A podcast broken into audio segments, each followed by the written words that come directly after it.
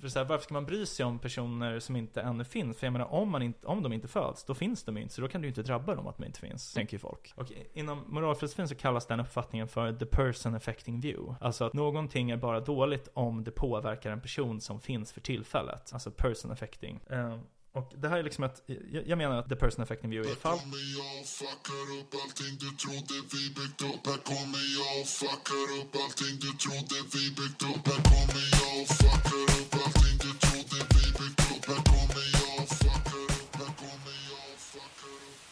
Hej och välkomna till det tjugonde avsnittet av podcasten Om och Men. Där vi reder ut det ni tycker är krångligt och krånglar till det ni trodde var utrett. Med mig, Vincent Flink Gamlenäs. Och med mig Beatrice Erkers. Eh, ja, eh, då frågar jag här för tjugonde gången, eh, Bea. Vad har egentligen hänt sen sist? Vad har hänt sen sist? Um, återigen, inte jättemycket. Vilket är så här, varit väldigt skönt faktiskt. Jag har, jag har haft höstmys. Jag gillar ju höst som vi har pratat om. Mm. Um, men nu är så här, min baglady-persona har fått ta plats igen. Jag ska ut och resa på, Aha. på måndag. Jag. Så jag har gått och konkat på tio olika väskor känns det som. Och har fått så blåmärken på armarna av att eh, konka runt och bära mina feta väskor upp för trappor. Det, det är någonting med att jag så här, jag har alltid ehm, försökt vara så minimal som möjligt när jag reser. Mm. För att det är, um, Alltså packa lite? ja så här, packa verkligen bara Ja. ha allting i en Inte att ryggsäck du har typ. gjort dig liten själv? Nej, nej, nej, nej.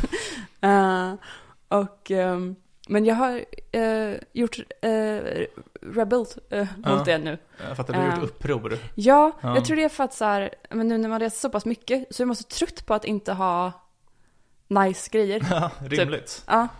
Eh, och då, så nu så konkar jag runt på min stora feta väska. Det är du värd. Ja, Har, har du en sån här, som jag alltid är avundsjuk på folk som har på flyg? En sån här kudde som är som Ja. ett U. Har du en Ja. sån?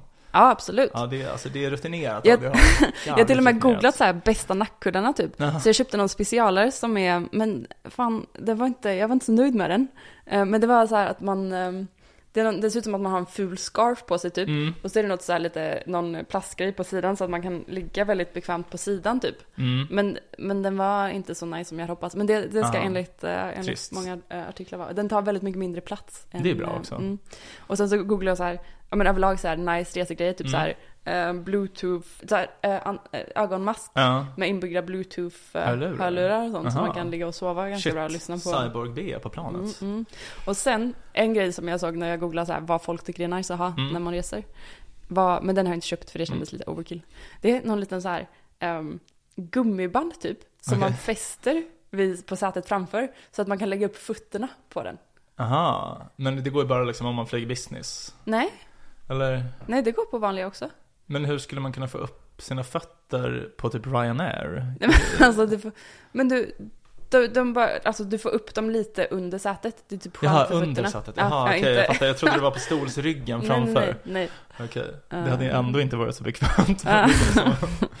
ja. Nej. Okej. ja, Ja, men nej, så men du har så- blivit en lyxresenär kan man säga.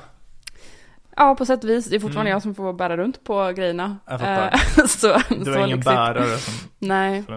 Nej. Men eh, vad har du gjort sen senast? Ehm, ja, alltså det är inte så mycket någonting jag har gjort som att eh, det har hänt något väldigt Ja. nyligen. Vad har hänt? Ehm, jo, men det är nämligen så att uh, Nobelpriset i litteratur delades ut igår. Ah. Eh, och det här var ganska kul. Jag eh, brukar lyssna på um, P1 direktsändningar från uh, Nobeldagen. Då. Det är Ja. så gulligt. jag gör reklam för min arbetsplats här, Sveriges Radio P1. Ah. Men, men ehm, jag tycker att det är liksom, eh, alltså bland det bästa i Kultursverige, är alltså Nobelsändningarna från P1. Men just den här dagen så hade jag inte lyckats få ledigt. Så att ehm, jag var på jobbet, satt Mm. på läkarexpeditionen. Eh, och vi alla lyssnade, jag övertygade alla mina kollegor att de också måste lyssna, trots att de inte hade något som helst intresse av att höra vem det var som vann. Eh, och Mats Malm kom ut, som är ständig sekreterare i Svenska Akademin. Eh, Och eh, pratar förvånansvärt dålig engelska måste jag säga. Bryter, alltså en bred svensk brytning skulle jag säga. Mm. Men, och han tillkännagav då att årets vinnare av Nobelpriset i litteratur är Annie Ernaux. En Mhm. eh, fransyska. Men jag visste inte vem det var. Eh, jag, vet, jag vet sällan vem det är. Mm. Men, men, men ehm, jag trodde att han sa Arnaud.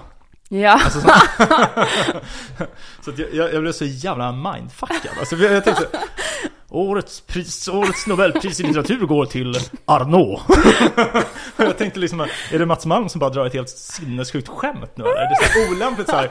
Och det, var, och det var ingen som skrattade såklart, för han drog inte ett skämt. Så jag bara, nej, gud. Han bombade, Mats Malm bombade liksom.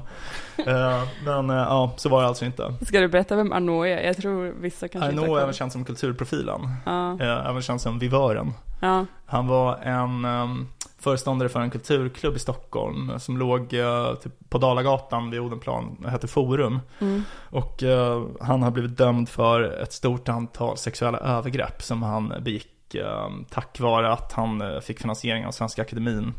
Eller, alltså jag vet inte om man kan säga det, men jag menar han, han var åtminstone affilierad med Svenska Akademin Mm. eh, på ett sätt som möjliggjorde de här övergreppen kan man säga. Mm.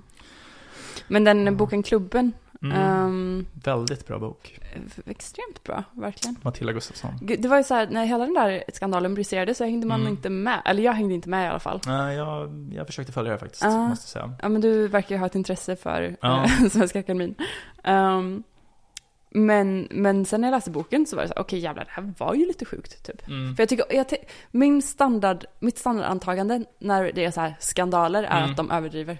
Jo, det var väldigt det överdrivet. Eller så här, det, queens. det var inte, hans, eh, alltså det han gjorde sig skyldig till var nog inte överdrivet tror jag. Mm. Ehm, och det var ju bra att han dömdes, tycker jag. Mm. Men, men jag tycker att eh, man på ett lite underligt sätt har givit Svenska Akademin skulden och inte minst Horace Eng- Engdahl har ju fått skulden. Ja, Jag, jag tycker inte riktigt att, att man är ansvarig för sina vänners brott liksom på det sättet. nej, Så det, nej. nej men det håller jag med om. Men däremot hans fru verkar ju verkligen vara lite sjuk. Uh, Katarina Frostenson. Ja, Ja. jag tror menar Horace Engdahls fru. Hon verkar ju vara lite sjuk. Hon är väldigt aktuell nu. Hon Ja. har ett stort kulturbråk nu. Jaha. Om Victoria Benediktsson. Men det kan vi spara till ett annat avsnitt. Okej. Ja. Ja. Men, ja, nej men Frostenson, ja, jag vet inte. Jag, jag läste de här böckerna. K. Hans exfru, eller hans, har han en ny fru? Horace Engdahl? Ja, hans exfru, Ja, ja. ja, ja. Ja, absolut. Nu är han Eh. tillsammans med, um, vad fan heter hon? Stina någonting tror jag. Också litteraturperson. Mm. Nej men eh, Frostenson, jag läste hennes böcker. Ja. K och Ja. eh, F och... Ja. Men jag tyckte inte de var så bra. Men det var det som, alltså jag har inte läst K. Men jag har läst utdrag ur den. Mm. Och det, det är såklart att det ska få det att framstå så sjukt som möjligt. Ja. Men det framstår ju ganska sjukt, eller som att hon Mm. verkar vara lite, Speciell. ja. Jo, nej, men det, det, det är hon nog, absolut. Hon ska ju vara väldigt, eh, väldigt begåvad poet. Alltså jag har aldrig läst någon av hennes poesi, men Nej, inte heller. vad vet jag? Vad vet jag? Sånt kan inte jag. kan Inte jag vet vi. Nej. Eh, men eh, dagens ämne, det kan vi kanske lite bättre. ligger oss lite närmare om hjärtat än K och F och resten av Frostensons öv. Förhoppningsvis. Ja. Eh, vad är det vi ska snacka om idag då, Bea? Um, long termism har vi tänkt snacka om. Exakt. Som är um, ett begrepp som är lite i ropet just nu. För att Mm. eh, William McCaskill som, jag tror vi pratade om i förra avsnittet också, eh, den här Oxford-filosofen som blev professor vid 28 års ålder typ i Exakt. Oxford. Eller om han var ännu yngre, ja skitsamma. 14. Ja. han har skrivit en bok som heter What We Owe the Future, som Mm. vi båda har läst nu. Så som vi borde ha läst, eller som vi båda har läst? Som vi båda har läst. Jag har läst, jag lovar. jag har läst också.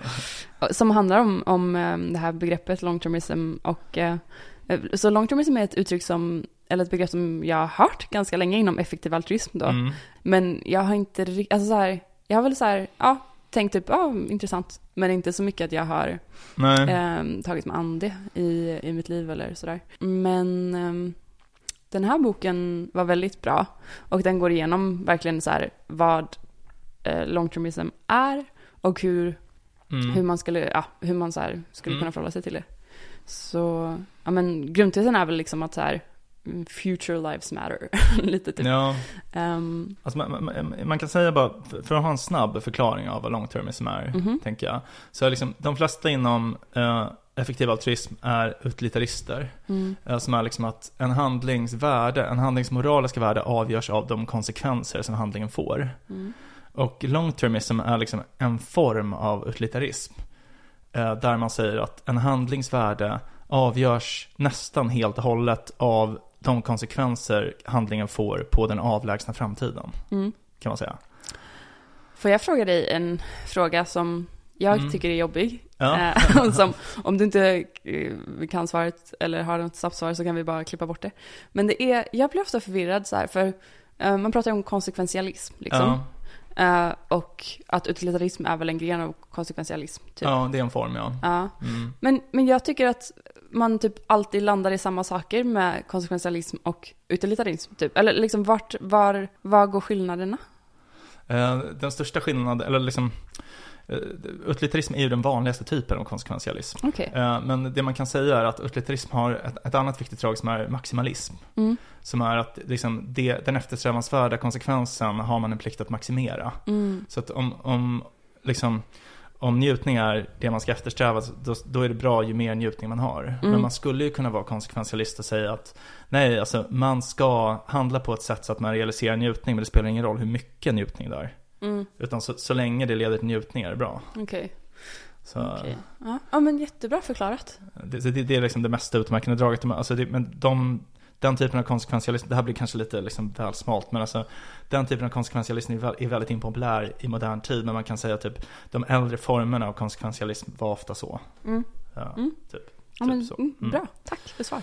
Ja, för all del. Eh, Men, nej men, ehm, så att det man, det man kan säga är typ så att man, eh, det är inte en egen moralisk teori, longtermism, utan Mm. det är bara typ så en empirisk uppfattning Mm. om att så här, det är det här, om man är utilitarist så är det så här man borde tänka. Då borde man inte tänka på tioårsperspektiv, utan då borde man tänka i liksom miljonårsperspektiv. Precis. Um, Och då är, är liksom tesen att ehm, framtiden kan vara väldigt, väldigt stor, typ. Eller det, Mm. det finns eh, eh, potential till att det kan födas väldigt, väldigt många människor, till exempel. ja. Eh, och att så här, om man går igenom, han pratar ju om att om man går igenom hela historien, då är det väl ungefär drygt 100 eh, miljarder människor som Ja. har levat någonsin hittills. Mm. Eh, och att de siffrorna framåt skulle kunna vara väldigt, väldigt mycket större. Mm, mm. Ehm, jag kommer inte ihåg exakt hur många det är han räknar att det Nej, jag kommer inte ihåg heller, men det- kommer du ihåg den här sidan? När han tar upp det? Ja, Eh, för det, alltså det, är liksom, det är en sida där han först visar, det är typ 40 eller 50 gubbar eller något. Mm. Och så står det så här, det här är hur många som har, bott, äh, som har levt tidigare. Mm. Och sen är det en gubbe som Mm. är liksom så, här, så så många som lever nu. Mm. Och sen är det så här, och här i framtiden. Och då är det bara tre sidor fulla med gubbar. Och då tänker man, gud vad sjukt. Och sen säger han så här, ja och jag klippte bort nästan allt. För att om jag skulle haft med allt hade det varit 20 000 sidor. aha. Men det är en um, eh, Kurutske sagt, om du vet den YouTube-kanalen.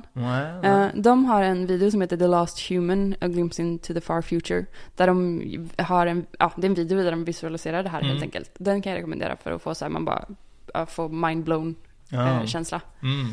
Ehm, ja, men så, ta, Mm. så uh, longtermism då är tanken att så här, ja, det skulle kunna ehm, födas extremt mycket människor Mm. eh, och att eh, de spelar roll liksom, alltså så här, att vi, ehm, deras liv skulle kunna få extremt mycket värde liksom. Ja, ja. Ehm, eller så skulle det kunna gå väldigt dåligt. Men att så här, eh, vi borde bry oss om dem och försöka ha, att handlingar som vi gör idag skulle kunna påverka deras Mm. eh, potentiella liv. Liksom. Mm. Mm.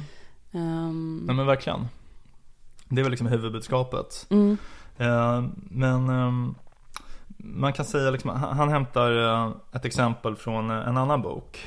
ehm, eh, som heter Reasons and, Reasons- and the Persons av Derek Parfit från Mm. mitten på 80-talet. En jätte, jättebra bok som jag också kan tipsa om.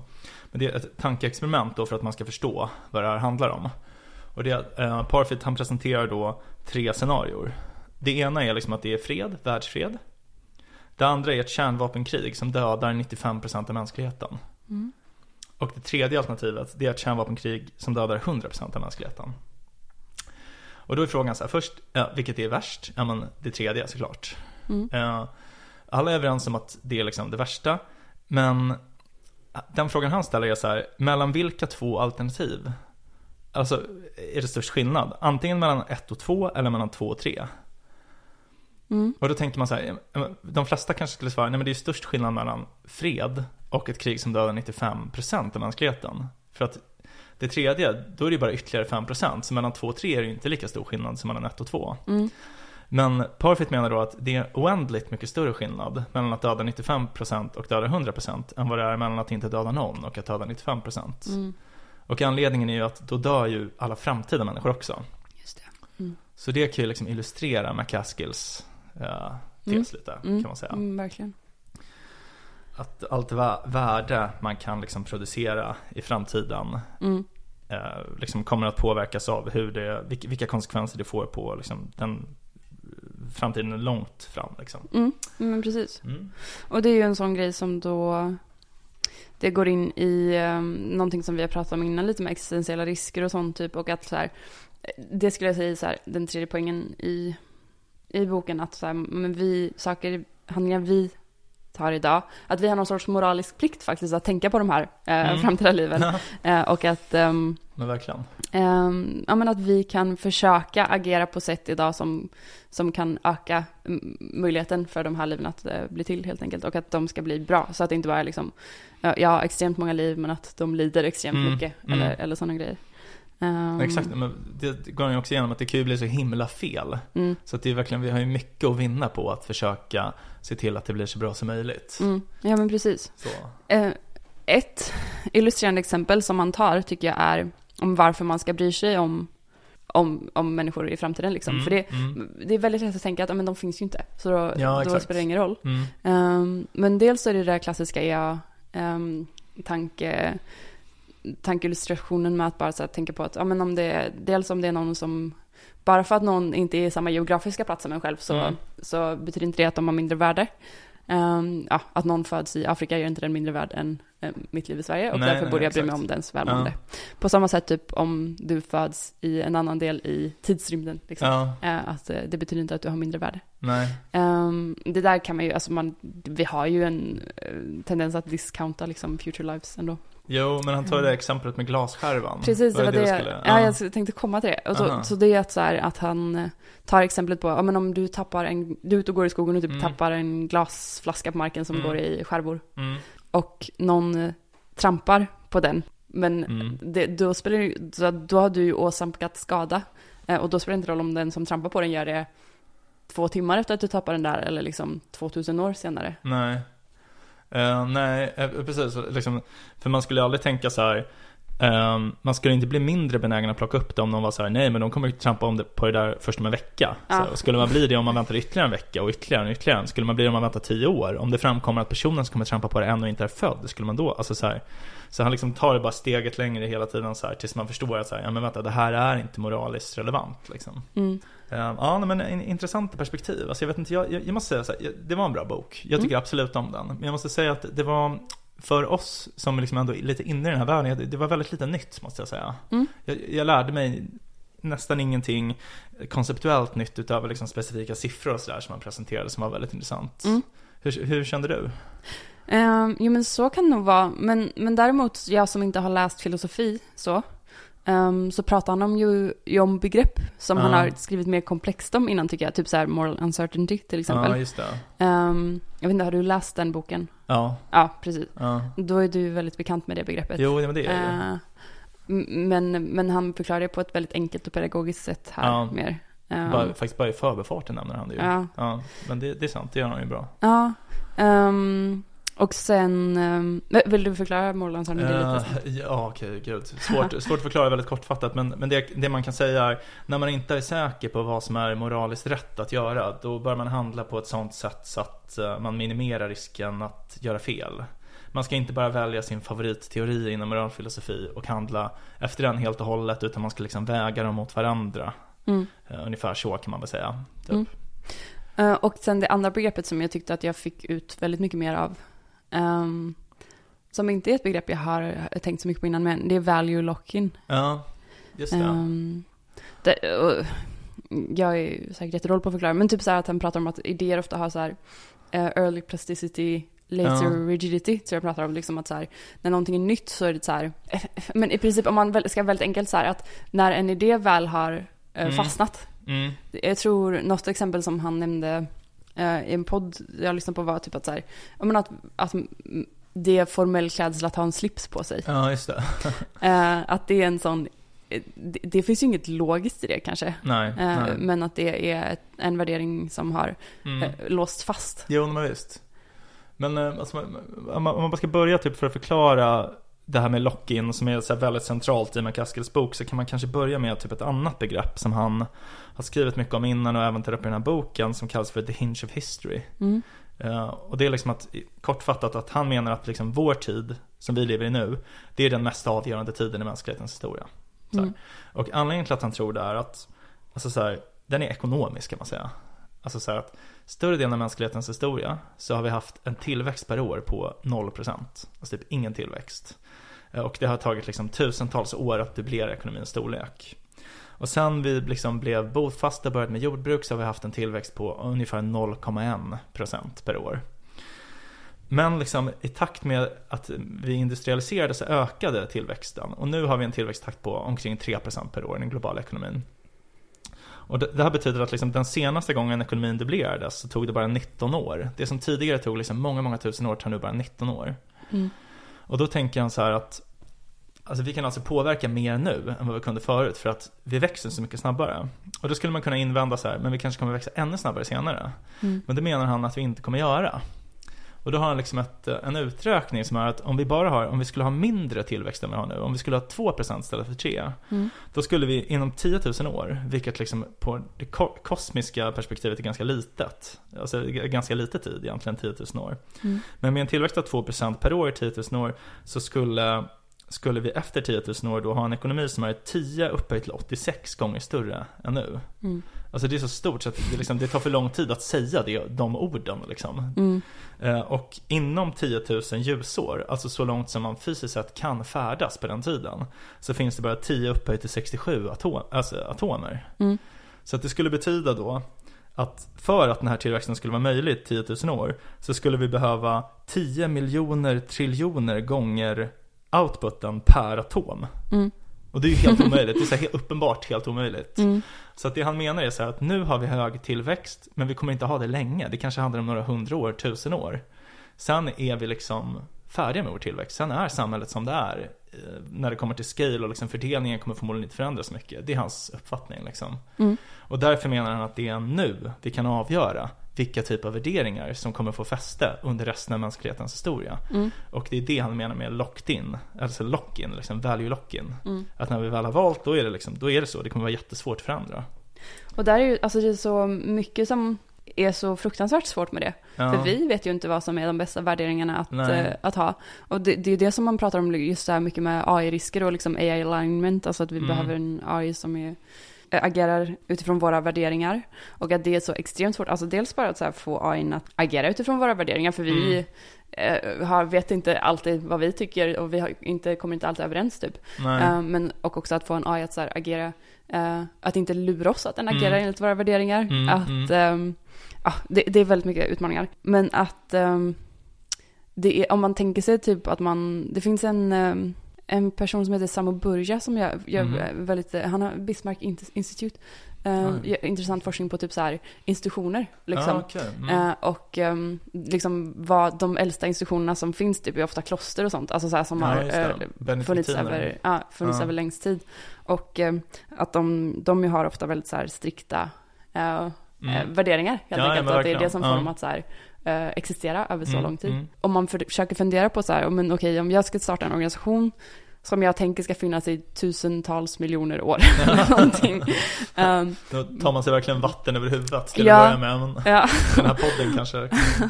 Men då, då är det så här, okej, vad, vilka värderingar ska vara så pass eh, liksom, eh, tåliga Mm. att de, att de håller för liksom, förändringarna Mm, ja, som, som kommer ske. Mm. Ehm, och ett exempel som man tar upp är det här typ Scots in London-grejen. Ja, just det. Det är ett jätteroligt exempel. ja, Ja. och det- är någon stiftelse eller något, alltså här, som ska, som, när kom den till typ? Eh, Under 1700-talet tror jag. Ah, okej. Alltså under en tid när skottar i London var liksom andra klassens medborgare, invandrare i Mm. England liksom.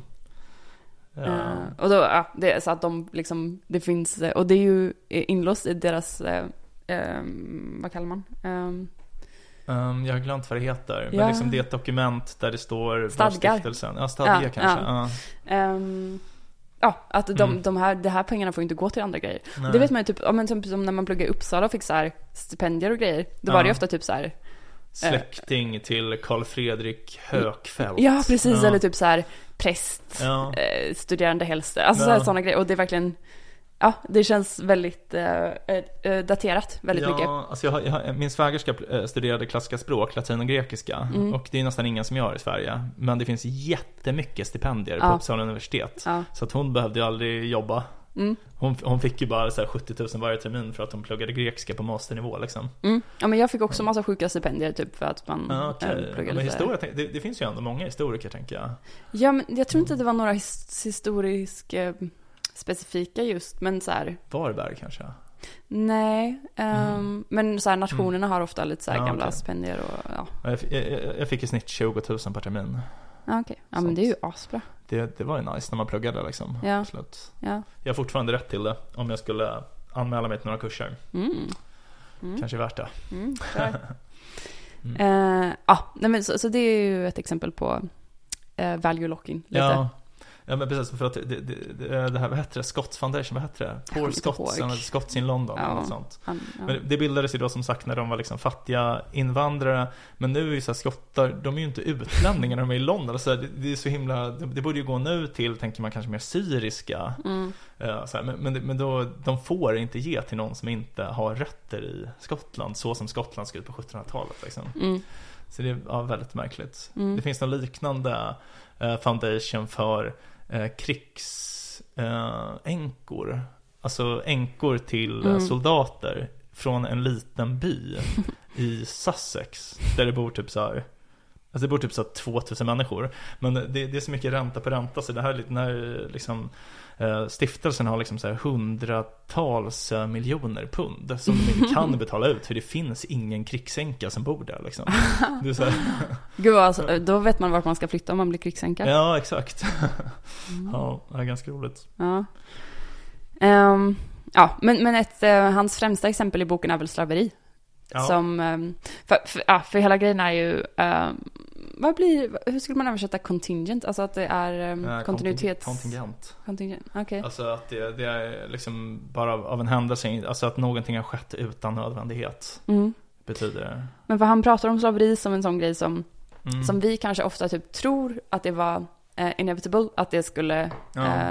eh, avvecklas. Ja, Ehm, för att vi utifrån vår moraliska liksom, karta idag bara tar för givet att det är så hemskt. Ja. att, att man inte skulle ha det. Men han menar att det inte alls var så, utan att det var många som, Mm. många aktivister och, och sånt som ledde till att man aktivt lyckades avskaffa Mm. slaveriet. Ja, det var så intressant. Det var nästan det mest, alltså det är det här jag menar typ att man lärde sig mycket fakta typ. Mm. Som jag aldrig har hört innan. För att jag har alltid hört, precis som det här han beskriver som den här senare presidenten av Trinidad sa.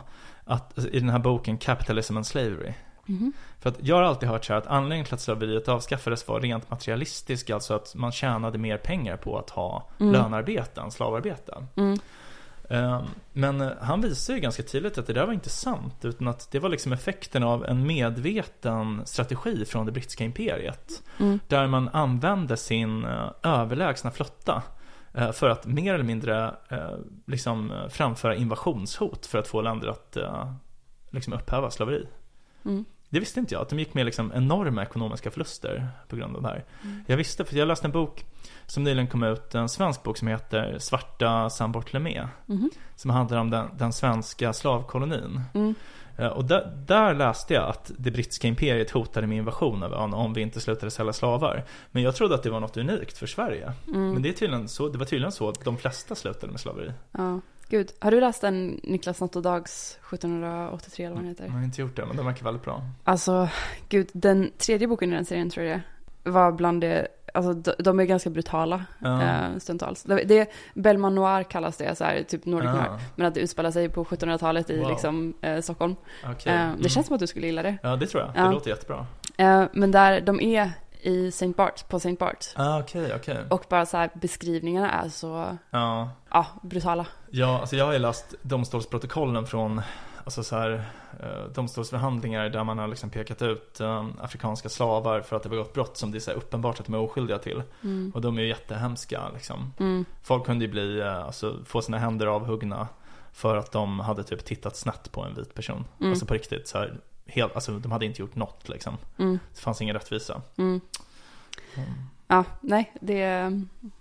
Det, Läskigt. det är vi glada att vi inte har de värderingarna Ja, just nu. Men ehm, ja, vi kanske ska ha ett avsnitt om, om det denna gång. Det är väldigt spännande med liksom Sveriges historia av slaveri. Och ja, ja, men verkligen. Har vi båda läst böcker om det?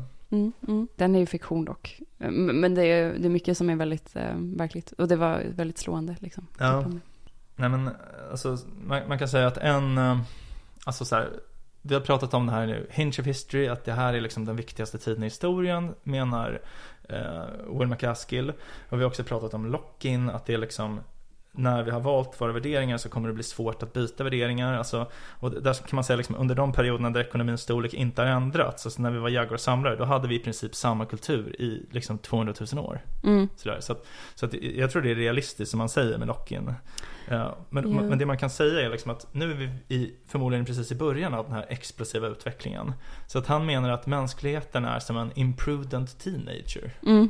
Eller hur? Att det, Mm. det är så här, vi, vi, liksom, vi, vi vill prova massor av nytt, alltså allting är spännande, det är nyttigt, så här, industrier, vi är rika, vi kan göra vad vi vill. Men det är också så här att vi är reckless liksom. Vi vet inte vad våra handlingar kommer få för konsekvenser. Och det är liksom, Mm. det här tar sig form i typ vårt sätt att släppa ut växthusgaser och forska om artificiell intelligens, eh, eh, ta fram eh, potentiellt pandemiska virus, alltså så här, ja. Mm. Det, det tyckte jag var liksom en, en väldigt bra metafor. Mm. Ja, ja, men verkligen. Jag tycker den är jättebra. Ehm, det är... Det, det är... um, Han förespråkar att vi ska vara liksom morally explorative, typ. Att vi ska... Mm. Ja, vi, för jag, tror att det man ofta... eh, ens eh, bara grundantagande ofta, om man inte reflekterar över det, är att här, man tänker att... eh, men det relaterar lite till det vi pratade om när vi pratade om Robin Hansons syn på framtiden. Jag kommer inte ihåg vilket avsnitt det var, men att han var taggad på att framtiden är Scale. stor, typ. Ja. Ja, just men det. också att han pratar om det här med att så här, vi ofta när vi tänker på framtiden bara utgår från att eh, Alltså när vi tänker oss positiva versioner av framtiden utgår vi av liksom våra värderingar fast liksom eh, i, i perfekt harmoni på något Mm, sätt. Att de mm. verkligen får eh, det är liksom, det finns om, om, det är jämställt mellan könen typ. Mm, det, mm. det är, man äter inte kött. Eh, Det Mm, är liksom så. mm. Eh, men, eh, och att vi ofta typ utgår från att bara vad vi står just nu, våra moraliska värderingar just nu, Ja. och att det bara naturligt kommer utvecklas, fortsätta Ja, ja, utvecklas och liksom eh, im- implementeras bättre och bättre typ. Men att det är ju en ganska så, Naiv syn. Ja, liksom- ja, och, och det, är- alltså det är ett jätte, bara banalt exempel är ju liksom att så här, jämföra sig själv med, ja men någon eh, Mm. 1700-talsperson eller någonting, ja. eh, 1600-tal, alltså så här, Man slav- hade en annan syn liksom på moral då, kan man säga. ja men verkligen. Nej men det, absolut. Jag, jag, jag tror också, alltså jag delar liksom hans syn på moralisk utveckling. Att det inte kommer av sig självt och att det hade kunnat gå åt ett annat håll. Liksom. Jag, jag, kan absolut tänka mig, framförallt efter att ha läst den här boken, att ett samhälle där slaveri fortfarande skulle vara eh, liksom brukligt. Det har ju varit så får man tänka under nästan hela mänsklighetens historia, åtminstone så länge vi har varit bofasta. Mm. För vi har haft slavar. Ja. Och han menar ju då att liksom, de värdena vi har, värderingarna vi har idag Mm. är ju antagligen fel på många Ja, sätt. Ja, ja, För det måste man skulle, vara, det skulle vara väldigt så här o, o, orealistiskt att tro att vi har lyckats. Nu har vi nailed it. Ja. Eh, Och det märker man ju bara idag med tanke på att alla, det finns så extremt mycket olika eh, åsikter. Ja, Nej, men det gör ju det. Absolut. Men jag, jag tror att bara att vi har människor som tänker mycket på moral gör vårt samhälle mycket mer moraliskt. Att det har mycket större effekt än vad man tror. Mm. Mm. eh, faktiskt. Jag tyckte det var väldigt kul att han pratade om charter cities, som Ja. du kommer ihåg. För jag tror vi nämnt det, en, vi kan ha nämnt det i något avsnitt, men jag kommer inte ihåg om vi har pratat så mycket om det. Det borde vi verkligen ha ett avsnitt om. Ja, det borde vi verkligen.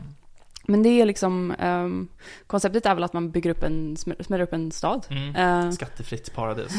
men det är ofta det som det är, för att det är liksom, men jag har ju pratat om, jag tror jag pratade om um, Friedman, Mm. eh, Patrick Friedman. Mm. Han har ju en investmentbolag, eh, Milton Friedmans sonson, som Mm. har ett investmentbolag som investerar i charter cities. Ja, coolt. Eh, och då, han är ju hyperlibertarian. Ja, Eh, precis och som det är väl sin därför- pappa och sin farfar. ja men precis, och det är väl därför det har fått den, eh, den, den att det klingar så om Ja. charter cities. Ja, är det genom honom alltså? Ja, han är typ, han är typ charter cities, Okej, okej. liksom, movementet. Men, men, liksom, för det har ju funnits i Kina länge. Har det det? De har Okej. haft chart, chart, Okej. alltså Hongkong var ju i princip en charter city. Är det så? Alltså, in, inte i modern bemärkelse, men det, det finns ju andra dock, som Shenzhen till exempel. Okej. Det var ju verkligen en... Alltså jag, det har jag ingen koll på. Jag tänker Ja. bara på den amerikanska, alltså jag har bara koll på den Mm. amerikanska bubblan typ. Och Ja, att det, för det är det jag tänker William men, eller han, han sa bokstavligt talat att, det, att man mest tänker på liksom libertarianska charter cities. Ja. Men att han, det han förespråkar är ju att vi ska smälla upp eh, olika charter cities med liksom olika moraliska värderingar och typ experimentera. Just det, det sa jag. Ja. Ja, det, det är intressant, för det är inte det man, man tänker med Church City, att de ska vara ägnade en viss industri, Ja. snarare. Men han menar att de ska vara ägnade ett visst moraliskt system. Mm. Det finns ju dock sådana, om man tänker till exempel kibbutzer, kan man ju betrakta på det sättet. De är väldigt mycket mindre än en stad. Mm. Men det är ju ändå som att man provar liksom en viss ideologi. Mm. Eh, någon form av vänsteranarkism, typ. Mm. Mm. Kanske. Och sen en annan sak han förespråkar är väl the long reflection också. Ja.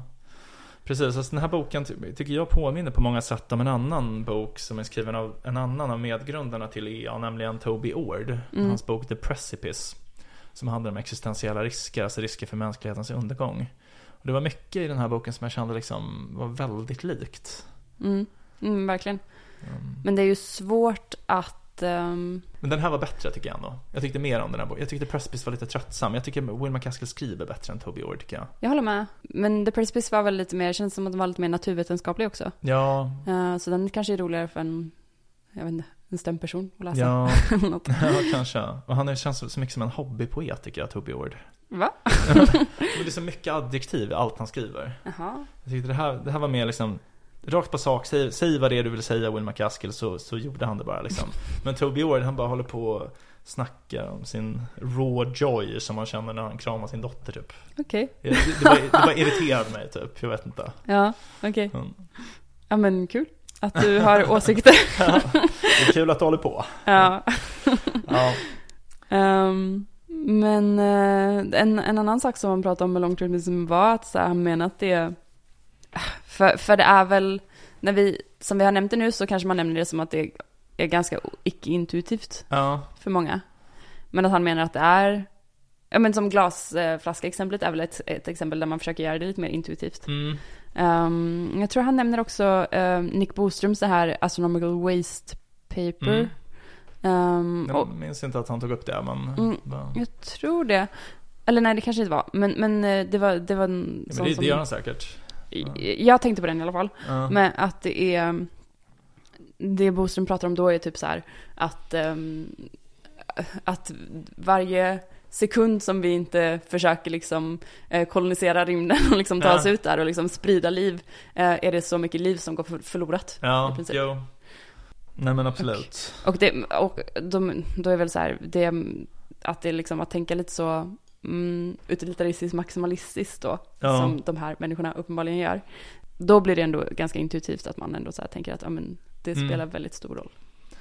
Ja, alltså det, det, det är verkligen sant, jag håller, jag håller med om det. Men, men alltså, om man ska försöka typ säga det, alltså jag tänker folk som lyssnar på det här och inte har läst sånt här innan, de kanske tänker typ att ehm, varför ska vi bry oss, de här personerna finns ju inte än. Mm, Eller hur? Så mm, Det är ju det, eh, jag har diskuterat mycket med kompisar om det här och det är det folk ofta säger så att Va, alltså så här, varför ska man bry sig om folk som inte finns? Till exempel att jag har ofta pratat om, och även tidigare i podden, pratat om att jag tycker att det är bra att få många barn mm, För att det är bra för personerna själva att finnas. mm, Och folk när de hör det tycker så här, kanske, de kanske tyckte redan innan att det var bra för många barn, men av andra skäl. mm, För så här, varför ska man bry sig om personer som inte ännu finns? För jag menar, om, man inte, om de inte föds, då finns de ju inte. Så då kan du ju inte drabba dem att de inte finns, Mm. tänker ju folk. mm, Och inom moralfilosofin så kallas den uppfattningen för the person affecting view. mm, Alltså att någonting är bara dåligt om det påverkar en person som finns för tillfället. Alltså person affecting.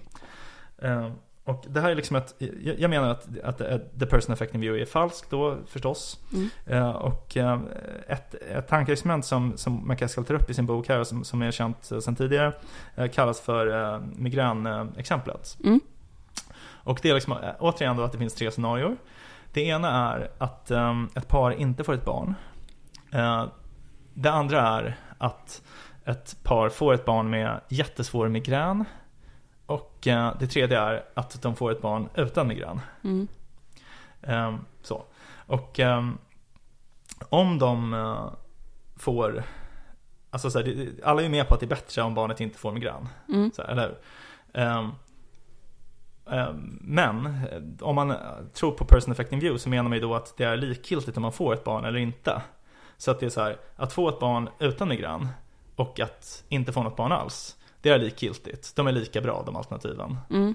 Om man tror på person affecting view. För att annars Alltså så här, om, man, om man tror på person affecting view då är det ju inte dåligt att avstå från att få barn. För det drabbar ju inte ett barn som inte finns. Mm. Ja, så att då, då tänker man så här att eh, Alltså att inte få barn och att få ett barn utan migrän är lika bra. Att inte få barn och att få ett barn med migrän är också lika bra. Mm. Men det skulle ju betyda då att få ett barn med migrän är lika bra som att få ett barn utan migrän. Om de verkligen är exakt lika bra. Men det är ju inte lika bra. Så det finns en motsägelse. Så här. Antingen är det så att det är lika bra att få ett barn med migrän som utan. Eller så är det så att det är inte likgiltigt om man får barn. Man kan inte välja båda liksom. Så då måste man säga, säga så här, var är min intuition starkast? Och, och jag tycker att min, min, min eh, intuition om att det är fel att ge sitt barn hemsk migrän är mycket starkare än min intuition om the person affecting view. Mm. Alltså det, det, det, det betyder väl egentligen bara att det är liksom, man kan bete sig fel mot en person även om de ännu inte existerar och även om de inte kommer att göra det. Mm. Liksom. Mm. Men det tyckte jag var en ganska kul slutsats ändå som han, eller att han, han hans personliga åsikt var att man borde skaffa barn typ, eller att det är ett sätt att göra världen en tjänst typ. Ja, Eh, att det, är- ja, det är ett, ett sätt att vara långtråkigt på. ja.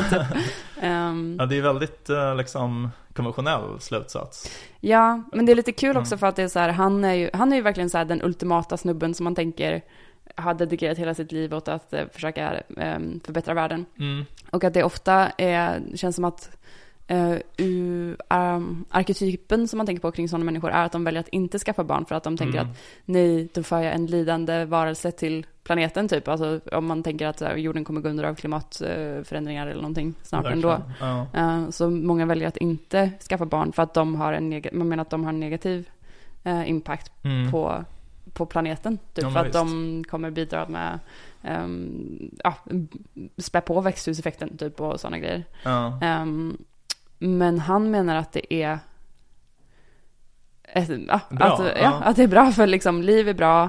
ehm, och att um, det, de, eh, även om det så här, kanske finns vissa negativa ehm, aspekter som, som ett liv för med sig, Mm. så är det också väldigt mycket positiva aspekter Ja. som man då helt bortser ifrån om man, om man bara ser till det andra. Som han, alltså dels så säger han så här rent praktiska saker som att de så här betalar skatt. Ja. Ehm, Så jävla sossig anledning att få barn. Det är fler skattebetalare. Stryker sina händer. Giriga staten. ja. Mm. Men, eh, ja, och att de är så här, på olika sätt kan positivt bidra till, till planeten. Ja. Eh, Teknikutveckling tar han upp.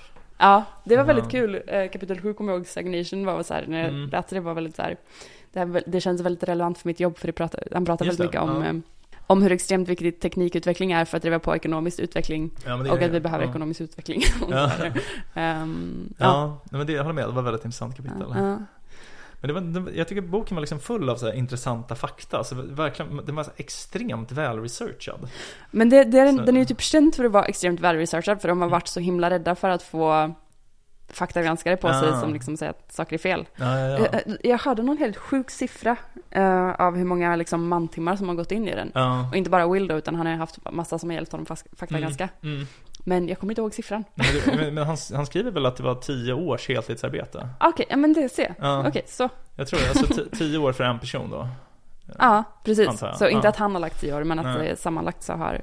Alltså hel, heltid, alltså varje timme i tio år. Mm. Då. Ja. Ja, det är ju helt sinnessjukt. Ja, ja, verkligen. Det är helt galet.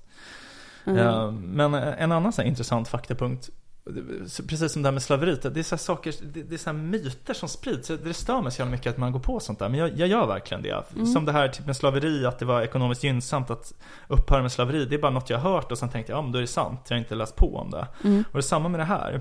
Att han sa att om vi skulle bränna upp alla fossila bränslen som finns, Mm. som finns tillgängliga för mänskligheten, i nuvarande tempo, vet du hur långt det skulle ta då? Nej.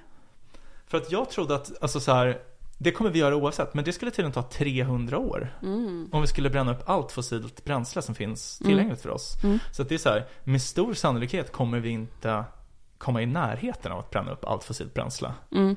Jag tyckte det var väldigt intressant, för jag har alltid tänkt så här, var, var, varför är folk så dumma och avstår från att flyga? Förr eller senare kommer vi ju ändå bränna upp allt fossilt bränsle. Så, så här, vad spelar det för roll om vi gör det genom att flyga? Eller om vi gör det genom att köra bil? Så här, vad, vad spelar det för roll? Men, men det där är ju bara inte sant. Jag har ju bara alltså, missuppfattat det. Så att det, det, då känns det ju mycket mer meningsfullt att minska sina utsläpp. Om, låt säga att det är så här, men vi kanske kommer sluta med fossila bränslen 2080. Då gör det ju jättestor skillnad hur mycket vi har släppt ut till dess. Så det var verkligen så här, fakta som förändrar ens världsbild liksom. Men sånt är ju asanvändbart. Ja, Eller det är därför man läser böcker kanske. ja exakt. Ja, men så är det väl. Det man vill få ut. Ja, vad tyckte du mer om den här eh, härliga gamla boken då? Ja. Ehm, vad tyckte jag? Nej men jag tyckte att det var väldigt eh, bra. Jag kommer tänka mer på longtermism överlag. Mm. Det relaterar också till, ehm, till mitt jobb ganska mycket ju. Mm. Som där, vi hade ju ett avsnitt om existential hope. Ja, just det. Det var ett Eh, bra avsnitt. Ja men det var faktiskt, det blev Plötsligt lite... kommer Gandalf ridandes. Exakt, exakt. Ja, och att det är så här, en jättestor del av det är ju att tänka på eh, hur hur kan framtiden bli eh, bra Mm. och den bli så mycket, ja, så mycket som möjligt helt enkelt. Och då, den här boken var ju helt extremt relevant för det. Mm. Eh, och han avslutar ju också med liksom en action-del ja. som är Ja men typ så här, om du vill, om du faktiskt på de här idéerna nu, Mm. alltså så menar han ju att så här, du är i en extremt bra position för att liksom kunna Ja. göra någonting nu. Mm. Um, just för att så här, du, eh, om du har läst den här boken så har du antagligen eh, ganska bra, eh, du är ganska eh, liksom lyckligt lottad helt Ja, enkelt, ja. um, privilegierad. Um, och typ så här, ja men att man kan eh, kolla upp 80,000 hours och liksom tänka på hur man kan använda sin yrkeskarriär och sånt till att göra gott. Och, Ja. ja, han förespråkar att skaffa barn. Ja, ja det är bra. Alltså, jag, jag tycker Will, Will McCaskill, tycker, det är min favorit av de här högt uppsatta EA-personerna. Ja, jag håller med. Han, han är den minst radikala. Jag tror det är därför jag tycker om honom. Mm. Men han, eh, ja men eh, att han verkar liksom chill på något sätt också. Ja, verkligen. Smartast också skulle jag säga. Ja, ja. Eller, ja. Mm, ja jag vet inte. Men eh, Greaves verkar väldigt smart också, tycker jag. Grease, Greaves. Greaves, ah Hillary Hillary Greaves. Greaves. Ja, ja. Ja, absolut. Jag, eh, Har du pratat med henne eller i ditt jobb? ja, jag hörde av mig till henne. Mm. Ehm, för, för om Jag är lite rädd för henne. Jag, Ja, precis, för det var det. Det var väldigt typ, autistisk och, så här, och extremt butch liksom. åh, men det var typ det som hon var skulle mitt så här, henne, ser ut som. men för det var det som, jag hörde av mig till henne för henne på en podcast. Mm. Och hon bara, jag tror inte jag är relevant för den här podcasten. Eh, Oj, så kort liksom. Ja, typ. Vad ska du intervjua henne om? Ex- Existential hope, typ lång, alltså långtidsframtiden och sånt där. Vilket jag tänker, det är ju superrelevant. Ja, jag tänker också det. Men hon, däremot, hon känns väldigt teknisk som så här. Mm. Om hon inte får prata om avancerad populationsetik så kan det lika gärna få vara liksom. Ja, Det är liksom, mm. ja, det kanske var det jag gjorde. Jag kanske skulle börja pitcha det som lite mer. ja. ehm, ja. Men, ja, nej. Det är, hon är ju typ den enda kvinnan där uppe som svingar. ja, Amanda Askell. Ja, Men det är sant, det är sant. Hon är väl den enda av de här högt uppsatta liksom. ja. Ja, men hon är bra. Vi kan tipsa om en föreläsning av henne som heter eh, Repugnant Interventions. Mhm. Har du sett den? Nej. Eh, alltså den är väldigt eh, typisk liksom eh, EA. Alltså så här, det är typ att EA under en längre tid så bidrog man med pengar både till Anti-Malaria Foundation och till en, jag, jag minns inte vad de hette, men en organisation som delade ut p-piller Ja, och kondomer. ja.